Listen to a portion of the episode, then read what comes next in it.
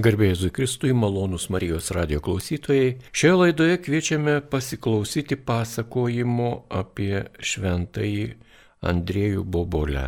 Taigi apie šį šventąjį maloniai sutiko savo mintimis pasidalinti Marijos radio klausytojams Lietuvos katalikų mokslo akademijos vadovas istorikas Liudas Jovaiša. Jam klausimus užduos Liutauras Serapinas. Taigi gerbiamas Liudai, gegužė 16 diena, minime šventąjį Andriejų Bobolę, jėzuitų vienuolį dirbusi Vilniuje Švento Kazimiero bažnyčioje, turbūt ir daug kur kitur. Papasakokite, prašom, plačiau apie šį asmenį. Na taip, iš tiesų, šventasis Andriejus Bobolė tam tikrą prasme tolimas mums turbūt yra tam tikrą prasme gali būti artimas. Vien kalbant apie jau jo žemiškai gyvenimą, apie jo žemiškąją biografiją. Iš kur tas tolimumas galbūt kyla, pirmiausia, na, jo kilmė, kilęs iš Lenkijos, iš mažosios Lenkijos, tiksliai nežinoma, yra įvairių hipotezių, spėlionių, apreiškimų, bet mums pakaktų turbūt to, kažkur iš mažosios Lenkijos, to Krokovos krašto, gana toli nuo Lietuvos esančios pietinės Lenkijos dalies, ir be abejo pagal savo tautybę, pagal kalbą buvo tikras Lenkas. Kas jį daro tokį gali daryti mums artimų iš jo biografijos? Tai e, be abejo tai, kad įstojo į Lietuvos jėzuitų provinciją ir priklausė jai visą savo gyvenimo laiką. Nepaisant to, kad vienu metu buvo gautas jėzuitų vyresniojo, generalinio vyresniojo arba generolo leidimas Andrėjui Boboliai pereiti į Lenkijos jėzuitų provinciją, bet tai niekada taip ir nebuvo įgyvendinta.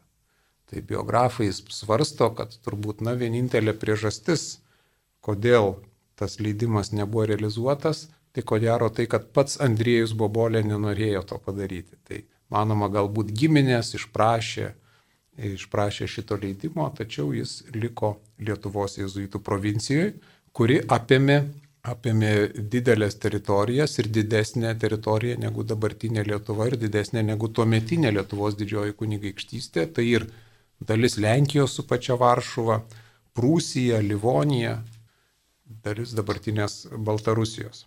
Taigi, kadangi Andrijus Bobolė mokėsi jėzuitų mokykloje Braunsberge, dabar tai yra Lenkijos teritorija, tuomet karališkiai Prūsai, karališkoji Prūsija irgi įeinant į Lenkijos sudėti, bet daugiau toks vokiškas kraštas. Nežinia, kodėl jis taip nuvažiavo toli studijuoti į jėzuitų kolegiją. Buvo daug arčiau esančių pietų Lenkijoje, arčiau jo gimtųjų vietų, jis nuvažiavo į šiaurinę dalį. Taigi e, tame Braunsberge arba lenkiškai Branėve, e, bestudijuodamas, pajuto e, pašaukimą stoti į jėzuitus ir tada natūralus buvo sprendimas, kadangi ta vietovė priklausė Lietuvos jėzuitų provincijai, tai jis atvažiavo stoti į vienuolyje į Vilnių. Tai būtent 1611 metais įstojo į jėzuitų naujokyną Vilniuje, Šventojo Ignaco šventės dieną pradėjo pirmąjį savo vadinamą vienuolinį išbandymą Liepos 31.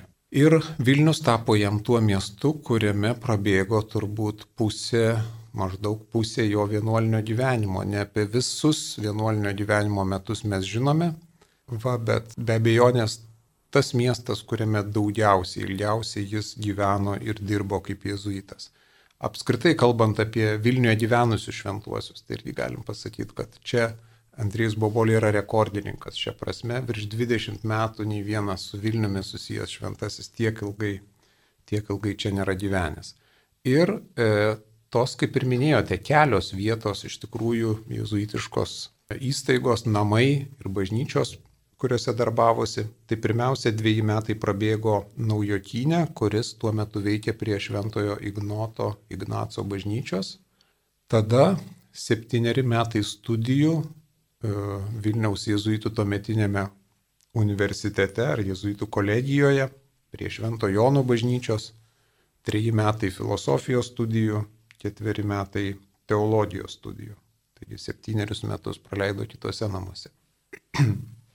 Na ir išventintas kunigu ir baigęs savo vienuolinę formaciją, atlikęs vadinamąjį tercijatą, e, Andrijus Bobolė darbavosi Vilniuje su pertraukomis, daugiausia Šventojo Kazimiero bažnyčioje prie tuometinių profesų namų, bažnyčia, kuri buvo skirta pirmiausia sielovados, jezuitų sielovados darbui. Taigi bent 12 metų, bet veikiausiai ir ilgiau, e, šitoje bažnyčioje jis ėjo sielovadininko tarnystę. Buvo pamokslininkas, nuodėmklausys, šventojo rašto dėstytojas, aiškintojas, katechetas vaikų ir beraščių žmonių. Taip pat vadovavo Vilniaus miestiečių brolyjei, vadinamai Marijos sodalicijai, Marijos ėmimui dangų. Vardu vadinamai bendruomeniai, kurią sudarė, nu, toks Vilniaus miestiečių, galime sakyti, elitas. Didelė dalis jų buvo pirkliai. Sodalicija turėjo savo altorių ir būtent jos dvasios tėvų irgi keliarius metus darbavosi Šventasis Andriejus. Ir porą metų ėjo ir apskritai bažnyčios prefekto, arba sakytume bažnyčios rektoriaus pareigas. Taigi buvo atsakingas už visą tai, kas e, vyko, vyksta šioje bažnyčioje. Viena iš paskutinių žinučių apie jo gyvenimą Vilniuje yra katalogo įrašas keliari metai likus iki mirties, kad jis gyvena vėl naujokyno namuose, noviciato namuose prie Šventojo Ignaco, jau kaip veteranas, patyręs vienuolis, e, jau nestiprios, nestiprios veikatos e, tėvas kunigas jėzuitas. Na ir gyvenimo pabaiga, susijusi, dramatiška gyvenimo pabaiga ir jo kankinystė su baisiu karu, katastrofa, kuri ištiko Lietuvos didžiąją kunigaikštystę ir kartu Lenkijos karalystę 17 amžiaus viduryje 1655 metais Vilnių užėmė pirmą kartą istorijoje priešo kariuomenė, tai buvo Maskvienų kariuomenė, nuo kurios didelė dalis miesto gyventojų ir taip pat vienuolių traukėsi. Taigi tokiu būdu Šventasis Andriejus, kaip Vilniaus profesų namų, tai yra jezuitų namų prie Švento Kazimiero bažnyčios tremtinys, taip katalogija įrašytas, egzul, iškeliavo į saugesnės vietas ir atsidūrė, apsigyveno Pinsko jezuitų kolegijoje, tai yra dabartinis katalikų viskupijos centras, miestas e, pietričių Baltarusijoje. Ir būtent ten 1657 metais, vėl apylinkės puolant Maskvienų kariuomeniai, e, Šventasis Andriejus slapstėsi, traukėsi iš Pinsko ir netoli esančiame Ivanavos miestelėje buvo sugautas kazokų ir labai žiauriai nužudytas kaip katalikų kunigas ir vienuolis. Taigi baigė gyvenimą kaip kankinys ir šiandien jį gerbiama kaip šventąjį kankinį. Malonus Marijos radio klausytojai, jūs girdite laidą, kurioje apie šventąjį Andriejų Bobolą ar Bobolę, tarti galima įvairiai, pasakoja istorikas Liudas Jovaiša. Jam klausimus užduoda Liutauras Serapinas ir tesdami laidą norime jūsų gerbiamas Liudai klausti, kodėl jisai yra laikomas ypatingas pamokslininkas. Kas yra daugiau žinoma apie Šventojo Andrėjaus pamokslus Vilniuje? Kodėl yra pabrėžiama, kad Šventasis Andrėjus buvo toks išskirtinis pamokslininkas? Ar tai buvo jo pareigybė, ar jis tiesiog garsėjo įspūdingais na, pamokslais, turėjo gražią išraišką? Kokia ta istorija? Na, iš tiesų istorija yra tokia slėpininga, sudėtinga, mažai žinoma ir kartu turbūt gana paprasto eilinio jėzuito kunigo išoriškai žvelgiant istoriją. Tai toks e, Šventojo Andriejaus nepaprastumas yra jo paprastumas, kas nedažnai pasitaiko šventųjų istorijose. Dažniausiai šventuosius žmonės atpažįsta jau e, jiems gyviems esant. Iškart po, po mirties prie kapo prasideda piligriminės kelionės prašymai, užtarti, užtarimo maldų prašymai. Nieko panašaus neįvyko su, su šventuoju Andriejumi. Buvo apie 40 kunigų jėzuitų, kurie buvo nužudyti priešų šito karo laiku ir e, buvo palaidoti ir jokios, joks kultas, jokia, joks jų gerbimas po mirties neprasidėjo, buvo galima sakyti tam tikrą prasme užmiršti. Taip pat ir šventasis Andriejus. Taigi, kas žinoma apie jo gyvenimą, yra tokios tam tikros skeveldros, nes amžininkų liūdėjimų apie jį kaip ypatingą asmenį neišliko, taigi tai, ką žinome iš tokios valdiškos, galim sakyti, tik tai informacijos ir iš jo apibūdinimų vienolyjos kataloguose. Iš jų matyti, kad Šventasis Andriejus, na, nepasižymėjo kokiu nors ypatingu e, mokytumu, erudicija, tai faktiškai nebuvo skiriamas eiti vadovaujančias pareigas ir nedėstė kokių nors e, ypatingų akademinių kursų. Ir studijas jis baigė, galime sakyti, nepatenkinamai išlaikydamas teologijos egzaminą, dėl ko pagal vienolyjos teisę negalėjo duoti aukščiausio rango įžadų, keturių įžadų profeso įžadų, tačiau provinciolas vėliau pasinaudojo išimtimi gautą iš generolo na, pamokslais pasižymintiems jezuitams, kurie na, netempė iki tos formalios kvalifikacijos, leisti duoti įžadus keliems išimties tvarka. Ir po kelių metų laukimo, bandymo, žiūrėjimo, kaip ten bus, e, Šventasis Andriejus iš tikrųjų 1630 metais Švento Kazimiero bažnyčioje davė tuos keturis profeso įžadus. Tai va tokia užuomina, kuri, kuri apie jį leidžia mums e, nu, nutuokti kaip apie tokį galbūt e, talentą, charizmą turėjusi pamokslininką. Jo, jokių tekstų, konkretesnių pamokslų ar tokių įspūdžių nėra išlikę. Iš jo bendros charakteristikos, jo temperamento vyresniųjų apibūdinimo palikto matom, kad Andrėjus Bobolė buvo toks gyvas turbūt žmogus, gana spontaniškas, paprastai nurodoma, kad tokio labiau choleriško temperamento ir kad būtent jo charizma buvo bendrauti su žmonėmis. Taigi pamokslavimas, išpažinčių klausimas, bendravimas, tie pokalbiai e, jėzuitams būdingi, e, tai turėjo būti jo, jo charizma ir tokias pareigas jis dažniausiai e, ėjo, tokioms ir buvo skiriamas taip pat ir Vilniuje. Gal yra likę Šventojo Andrijaus laiškų arba susirašinėjimo, kažkokiu atsiminimu, gal apie jį rašė ne vien jisai. Na, va, čia tas ir yra, kad ir apie jį niekas per daug nerašė išskyrus, išskyrus uh, tuos uh, paprastus biurokratinius, kasmetinius dokumentus, sąrašus, gyvenimo prašymus, kur kada kokias pareigas ėjo, kokios veikatos, kokio temperamento, kokiems darbams tinkamas. Iš esmės taip.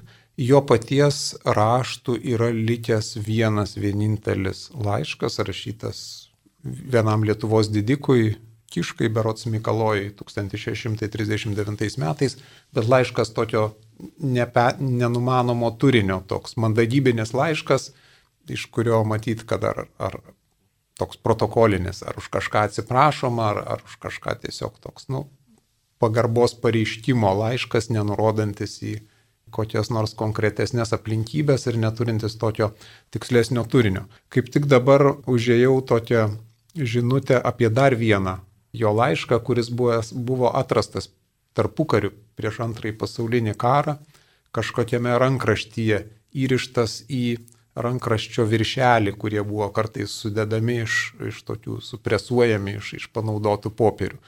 Laiškas, kuris buvo rašytas kitam Lietuvos e, provincijos jezuitui. Bet dėja, apie tai paskelbęs atradėjas neperteikė jo turinio, o dabar nežinia, ar nenurodė tiksliai, kuris saugomas ir dabar po antro pasaulinio karo sunku pasakyti, ar tas, ar tas dar rankraštis kažkur yra, jeigu yra, tai kur. Gal yra likę kokiu nors žinių apie jo bendramokslius, apie jį supusius tuo metu asmenys, kurie galbūt, gal ir neminėjo jo, bet patys yra kažkuo žymus ir likę svarbus istorijoje. Na tai tokių Tokių, tarp tokių turbūt reiktų pirmiausia minėti Motiejų Kazimierą Sarbievijų, žymųjį poetą, kuris metais vėliau įstojo į e, tą patį naujokyną, tačiau kadangi jis trunka dviejus metus, taigi vienerius metus jie tiesa skirtingose, sakysime, tose grupėse, tose pačiose namuose, e, namuose gyveno. E, Zigmantas Liauksminas gali būti vienas iš tų, iš tų amžininkų muzikos ir retorikos srityse pasižymėjęs. Vienas iš jau ne jezuitų, bet svarbių amžininkų e, minėtinų, tai būtų šventasis kitas Jozapatas Koncevičius, bazilijonas, kuris tais pačiais metais, tuo pačiu metu, Na, jie teoriškai galėjo susitikti gyvendami Vilniuje prieš Jozapatui tampant Polotsko arkivyskupų, išvykstant viskupauti, jam čia einant vienuolino vyresniojo pareigas.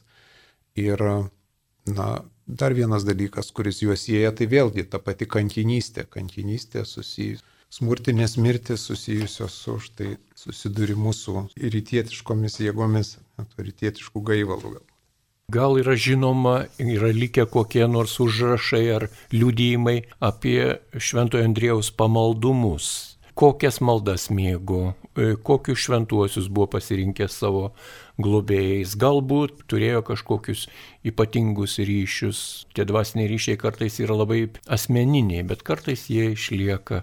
Na, tokių, tokių liudijimų irgi neturime. Ka, kas buvo konstatuota klausus liudytojus, kurie ne visai jau patys, bet iš tėvų gal kažką buvo girdėję.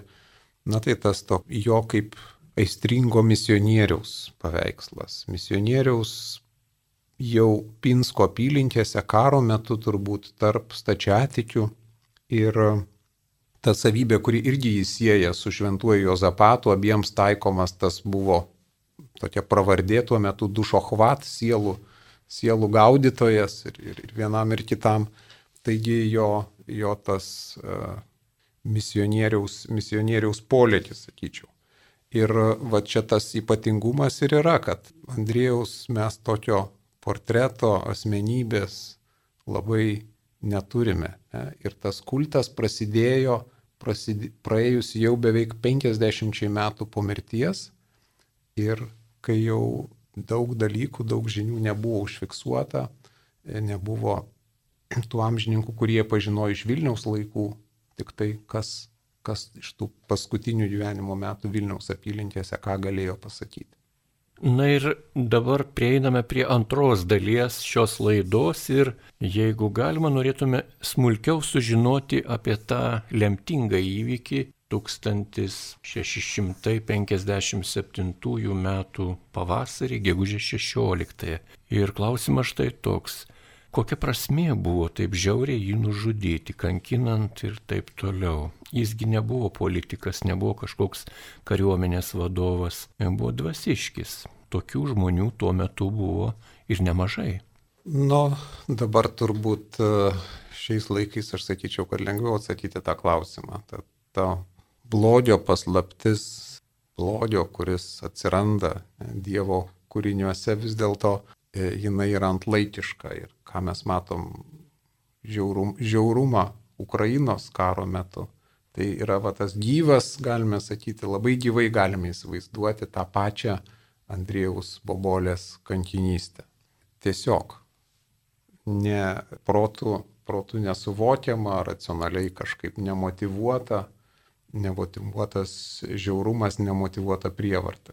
Po jo mirties ne iš karto jisai buvo minimas maldose, turbūt tai suprantama, karai, suirutės, lygos, įvairiausios epidemijos ir ką kita tuo metu alino žmonės labai stipriai. Ir tie žiaurumai patirti, be abejo, po kiekvieno žiaurumo praeina tam tikras laikas, kol žmonės atsipeikėja, atsidusėja, išverkia, išraudoja tą skausmą ir taip toliau. Kaip Vilniaus jėzuitai ir Švento Kazimiero bažnyčioje turbūt ir vienuolynė pradėjo gerbti čia dirbusio Šventojo Andrėjaus Bobolės asmenį. Nuo ko tai prasidėjo? Na tai pirmiausia, tas e, gerbimas prasidėjo ten, kur jis buvo palaidotas Pinskė, Pinsko jėzuitų kolegijoje ir prasidėjo iš tokio nu, nepaprasto įvykio, kad Šventasis Andriejus pasirodė sapne kolegijos rektoriui tėvui Martynui Godepskijui beros 1702 metais.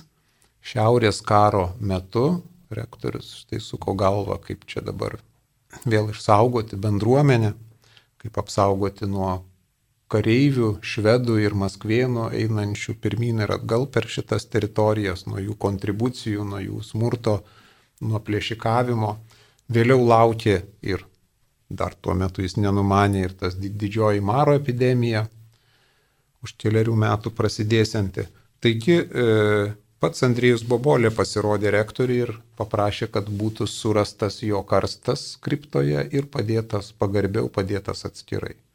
niekas jau nebežinojo, kas tas Andriejus Boboliais prisistatė tame regėjime ir tada po kelių dienų ieškojimo jau kriptoje, turbūt tuos medinius karstus kilnojant, buvo rastas karstas, ant kurio užrašytas vardas pavardė ir e, buvo rasti stebuklingai nesugedę jo palaikai.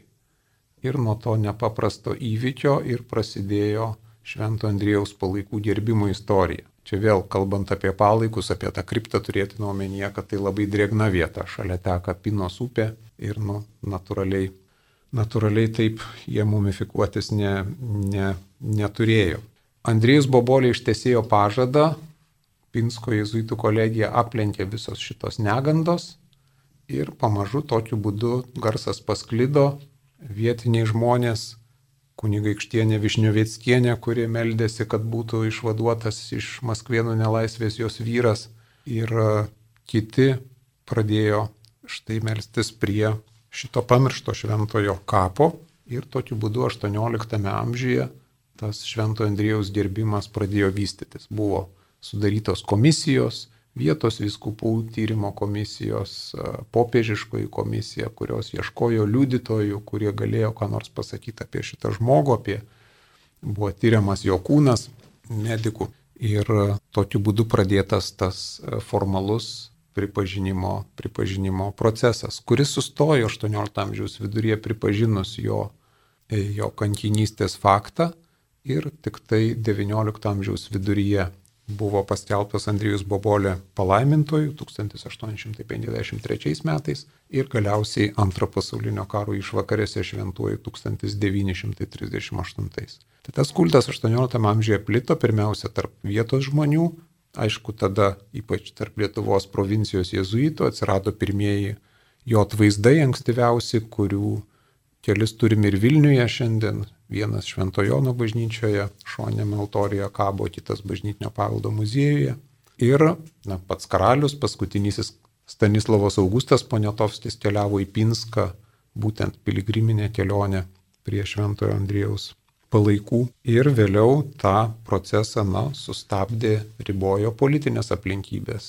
Ir tai, kad buvo panaikinta vienu metu Jėzaus draugija, pagrindinė vienuolyje, kuri rūpinosi aišku, savo nario kulto oficialių pripažinimų, bet taip pat ir po abiejų tautų respublikos panaikinimo. Rusijos imperijoje toksai tokio asmens kultas tiek Švento Jozapato Kuncevičiaus, tiek e, Andrėjaus Bobolės, kurie buvo asocijuojami su kankinystė nuo stačiatikių rankos ar nuo maskvienų rankos, žinoma, nebuvo, nebuvo pageidaujamos ir todėl nors Jozapatas buvo paskelbtas šventuoju tuo metu, panašiai kaip ir Andrijus Bobolė palaimintoju, buvo draudžiama įrašyti jų šventes į katalikų viskupijų liturginius kalendorius. Taigi modeliavo arkiviskupijai, kuriai priklausė tuo metu Polotskė atsidūrė pervežti Švento Andrijaus palaikai, jo šventė oficialiai, oficialiai negalėjo būti minima, nors į palaimintųjų sąrašą jis jau buvo įrašytas. Čia gana įdomus dalykai, ką jūs pasakojate, liudai, apie tą, na, sakykime, neminėjimą arba palikimą jį už praštės, vien dėl to, kad jis ir vienas, ir kitas, ir e, Koncevičius ar Bobolė buvo nukentėję nuo Maskvienų.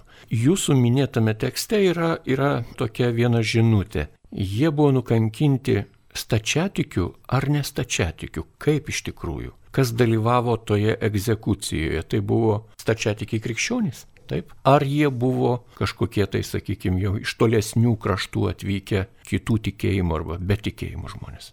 Na tai stačiatikiai, stačiatikių, stačiatikių tikėjimų išpažinėjai, bet vėl čia, kaip mes tą dabar jo, kaip jie tą tikėjimą išgyveno, suprato, kiek jis buvo jiems giliai įsisamonintas, suvoktas, tai klausimas. Ne? Formaliai taip, stačiatikiai tie kazokai, kurie tiksliai nežinom, kokie ten buvo. Zaporožės kazokai, ar Dono kazokai, ar dar kažkokie, bet ne, ne totoriai, ne, nebuvo nekrikščionis, buvo tiesiog kitos konfesijos krikščionybės išpažiniai, bet tai atspindi irgi va tuos santykius tarp konfesijų, kurie buvo labai įtempti ir labai priešiški toje, toje epochoje, čia jau tos epochos ypatinga, ypatinga žymė priešiškumas tarp stačiatikių, katalikų, protestantų, tos labai nuožmios kovos, tas klimatas, kokį mes dabar jau tokio konfesinio nebeturime šiandien.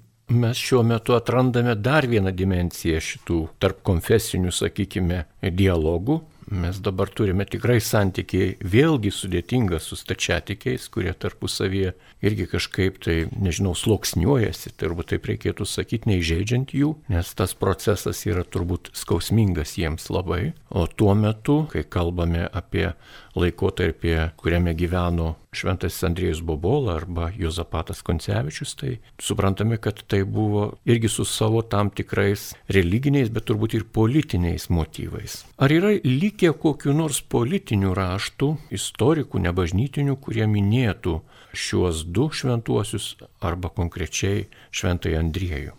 Raštų turbūt nežinau dabar, ar kas, kas buvo rašyta, gal čia vet minėtina tas politinė nuostata Švento Andrijaus atveju, kuri tęsiasi per kelias, per kelias valdžias. Tai pirmiausia, caro valdžia, kuri stengiasi jo kultą kiek įmanoma riboti. Ir vėliau bolševikų valdžia, kuri 1919 metais jau norėjo tas relikvijas iš Polotsko katalikų bažnyčios nusavinti. Tuo metu vyko kampanija demaskavimo relikvijų ir jų šventųjų ir jų relikvijų kuri lietė pirmiausia stačiatikių šventuosius. Tuo metu nepavyko, 1922 metais per du kartus iš antro karto buvo vis dėlto tos Ventojo Andriejaus relikvijos nusavintos, atimtos. Nors žmonės meldėsi, būdėjo po to pirmojo bandymo, kuomet atvykę pareigūnai norėjo, nu, demaskuoti tą katalikų fiktyvų šventąjį. Tada, bet kaip pavertė karstą su kūnu ir padaužė vertikaliai į, į grindis ir jis nesubirėjo, tai, kaip sako liudytojai, patys tie tyrėjai kabutėse abaldėlį, apstulbo tiesiog, buvo kaip stabų ištikti ir pasakė, udivitelna, kak harašo sahranilis. E, nuostabu, kaip gerai išsilaikė.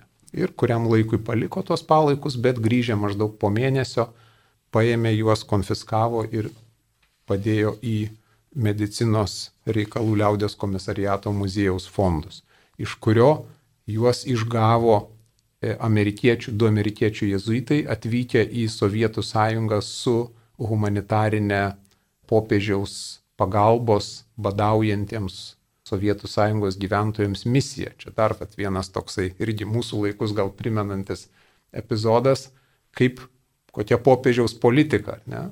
Sovietų sąjungoje persekiojama katalikų bažnyčia, areštuojami arkiviskupai, sušaldomi kunigai, tremtis ir štai popiežius siunčia humanitarinę pagalbą per vienuolius, per kunigus, atidaro labdaros valdyklas įvairiose vietose, Kryme, įvairiose Rusijos vietose, kur su popiežiaus, po popiežiaus herbu yra dalinama, dalinamas maistas, dalinama humanitarinė parama. Ir vad kaip atlydis, kompensacija jezuitai suradę šitos palaikus muziejaus fonduose gauna leidimą juos išsigabenti privačiai, be jokio didelio triukšmo traukiniu į Odesą, iš Odesos laivu į Konstantinopolį, iš Konstantinopolį į Brindizį Italijoje, tada nuvežama į Romą ir pagrindinėje jezuitų bažnyčioje, Jėzaus vardo bažnyčioje atsiduria šalia Švento Ignaco. Tokiu būdu Andrijus Boboliau po mirties susitinka savo vienolyjos kurėją ir kurį laiką, 15 metų jo, jų, jų palaikai yra toje pačioje šventovėje Romoje. Įdomus pasakojimas priminė mums dar vieną Lietuvos, tai Barbara Umenstauskaitė Žagarietė, kurios irgi palaikai sovietų okupacijos metu dingo iš Lietuvos katalikų bažnyčių šiaurėje. Ir kol kas, rodos, nėra žinios, kur jie galėtų būti. Na, o kalbant apie šventai Andriejų Bobolą, turbūt reikėtų šią laidą dar pratesti, tai įamžinimas ir ką mes šiuo metu galėtume, kuo galėtume pasidžiaugti, ką galėtume pagarbinti. Ar Lietuvoje yra šio šventojo relikvijorių, ar yra paveikslų, jūs minėjote bent du, kaip jie atrodo, gal jums teko matyti relikvijas. Iš tiesų, Lietuvoje Švento Andriejaus kultas, jo gerbimas, nu, nėra, nėra, nėra toksai pastebimas, galim sakyti. Pirmiausia dėl to, kad asocijuojamas su lentiškumu, su lentiška tapatybė ir tas kultas labai susijo iš tikrųjų su modernios nepriklausomos Lenkijos istorija. Šventojo Andrėjaus užtarimui buvo priskiriamas vadinamasis Vyslos stebuklas, pergalė Lenkų prieš bolševikų kariuomenę 1920 m. vasarą ties Varšuva. Ir tokiu būdu Andrijus Bobolė tapo per pastarąjį šimtmetį labai tokiu, labai nacionaliniu Lenkijos šventuoju. E, šiemet kaip tik Lenkijoje minimas toks trigubas, trigubas jubiliejus Lenkijos jezuitų. Tai yra, kas mums gali būti bendra 400 metų nuo jo kunigystės šventimų 1622 metais. Taip pat šiemet švenčiami visoje Jėzaus draugijoje jubiliejiniai Švento Ignaco metai ir 20 metų nuo paskelbimo Lenkijos globėjų, antruoju Lenkijos globėjų. Tai toks vat, jau lenkiškas patriotinis toksai aspektas. Na ir tas jo gerbimas susijęs su pranašyste, vėl pasirodymu Andrijaus Bobolės XIX amžiaus pradžioje, kurioje jis išpranašauja Lenkijos nepriklausomybės atkūrimą po pirmo, po būsimo didžiojo tokio karo. Tai tas labai susiję juos Andriejų Bobolę ir tą lenkišką tapatybę tame kontekste, nu, vat, lietuviams sunku turbūt rasti kažkaip. Dažnai mes nurašome su vandeniu, išpilam ir kūdikį ir tada tas šventasis toks, aišku, natur, natūraliai iš pirmo žvilgsnio yra svetimas. Tai aišku, šventasis nėra kažkokiai tautai, nėra šaliai, nėra kažkokiai epochai. Šventieji yra visiems. Ne? Tai reikėtų turbūt mėginti ieškoti, kas, kas, kas gali būti artima mums Andrijaus Bobolės gyvenime ir kad ne visada nu, vien Lenkai, Lenkai rodė jam pagarbą. Pranciškus Bučys Marijonas laištėm Jurgijui Matulaičiui tik užsimena, kad prieš pirmąjį pasaulinį karą važiuo, važiuodamas Polotskė lankė tuo metu ten buvusias Andrijaus Bobolės relikvijas. Ar Lietuvos jezuitai 40 metų kalendorijoje irgi pažymėjo štai naujai paskelbtą šventąjį ir, ir štai kokia malda galima jį kreiptis. Lietuvoje esantis atvaizdai, tai aš jau minėjau du paveikslus iš 18 amžiaus, kurie yra iš to ankstyvojo laikotarpio, kol dar tas kultas oficialiai nebuvo, nebuvo patvirtintas, nebuvo nusistovėjęs ir Švento Andrijaus vaizdavimas, tai šia prasme jie yra tokie įdomesni, nes vėliau susiklostė tam tikras tiražavimas atvaizdo, tam tikras klišės, kartotės, taigi šitie atvaizdai nėra, nėra dar jam pavaldus. Šventojo Kazimiero bažnyčioje šonė Meltorija dailininkas Antanas Kmeliauskas yra nutapęs taip pat Šventojo Andrijaus Bobolės altorinį atvaizdą 20 amžiaus pabaigoje. Na, o kalbant apie relikvijas, dvi relikvijos atkeliavo tokios iš tokių žymesnių relikvijų, turbūt mažesnių antro laipsnio, kokių kontaktinių relikvijų, relikvijoriuose gali būti ir kokiuose nors parapinėse bažnyčiose, nežinau, nes nuo XIX amžiaus vidurio jau jos pradėjo cirkuliuoti. Bet e, štai tokios svarbiausios dvi buvo atvežtos 938 metais. Paskelbus šventuoju, jo palaikai buvo pervežti į Varšuvą, nuspręsta jas ten įkurdinti ir tada kaip pagarbos ženklą Vilniui, kuris buvo nu, svarbiausias miestas Švento Andrijaus gyvenime, buvo atvežtos dvi relikvijos, iškilmingai atšvestos trijų dienų iškilmės, kurių metu viena relikvija perduota katedrai, buvo skirta šoniniai Švento Ignaco koplyčiai, kita relikvija jezuitams pateko į Švento Kazimiero bažnyčią.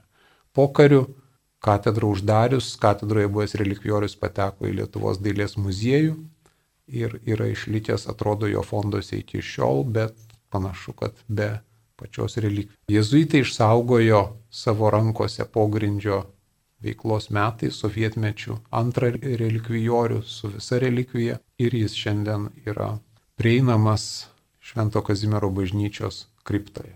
Galbūt tolokai nuo žmonių ir galbūt vertėtų, vertėtų jį priartinti, iš, iškelti gal iš šoninę bažnyčios koplyčią kurioje kitada, kitados tarpukariu yra buvęs įrengtas ir e, Andrėjai Boboliai skirtas altorius.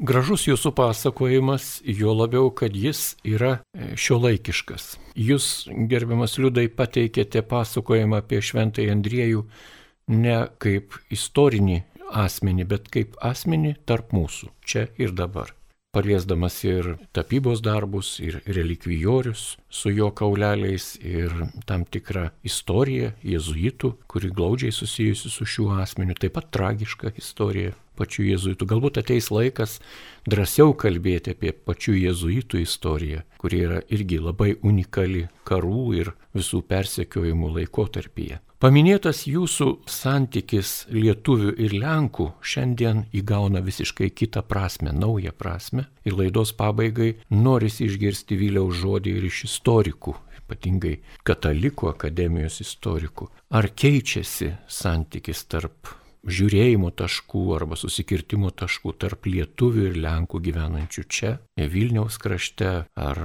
sakykime, šiaurinėje Lenkijoje. Ar yra vylius, ar yra viltis, jog mes, būdami to pačio tikėjimo žmonės ir tos pačios istorijos žmonės, nebe konfliktuosime dėl menkniekių ir smulkmenų.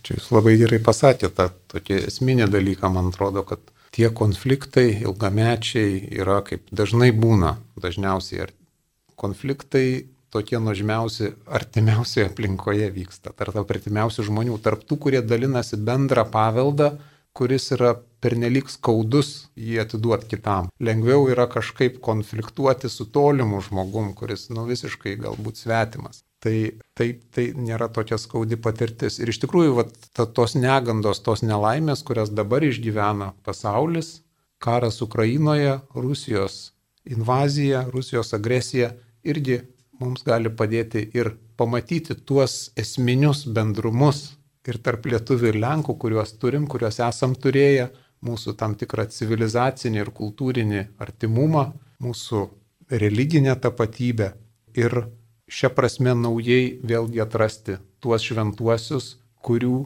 gerbimas irgi istorijoje visą laiką įvairuoja, banguoja, nėra statiškas dalykas. Šventojo gyvybingumas priklauso nuo tų žmonių, kurie prisimena, kreipiasi, pamiršta, jie žiūri skeptiškai, labai įvairiai. Tai čia irgi dabar šitam kontekste šventasis Andriejus iš tikrųjų nu, gali būti ypatingas, ypatingas užtarėjas ir ypatingas mūsų, mūsų maldų adresatas.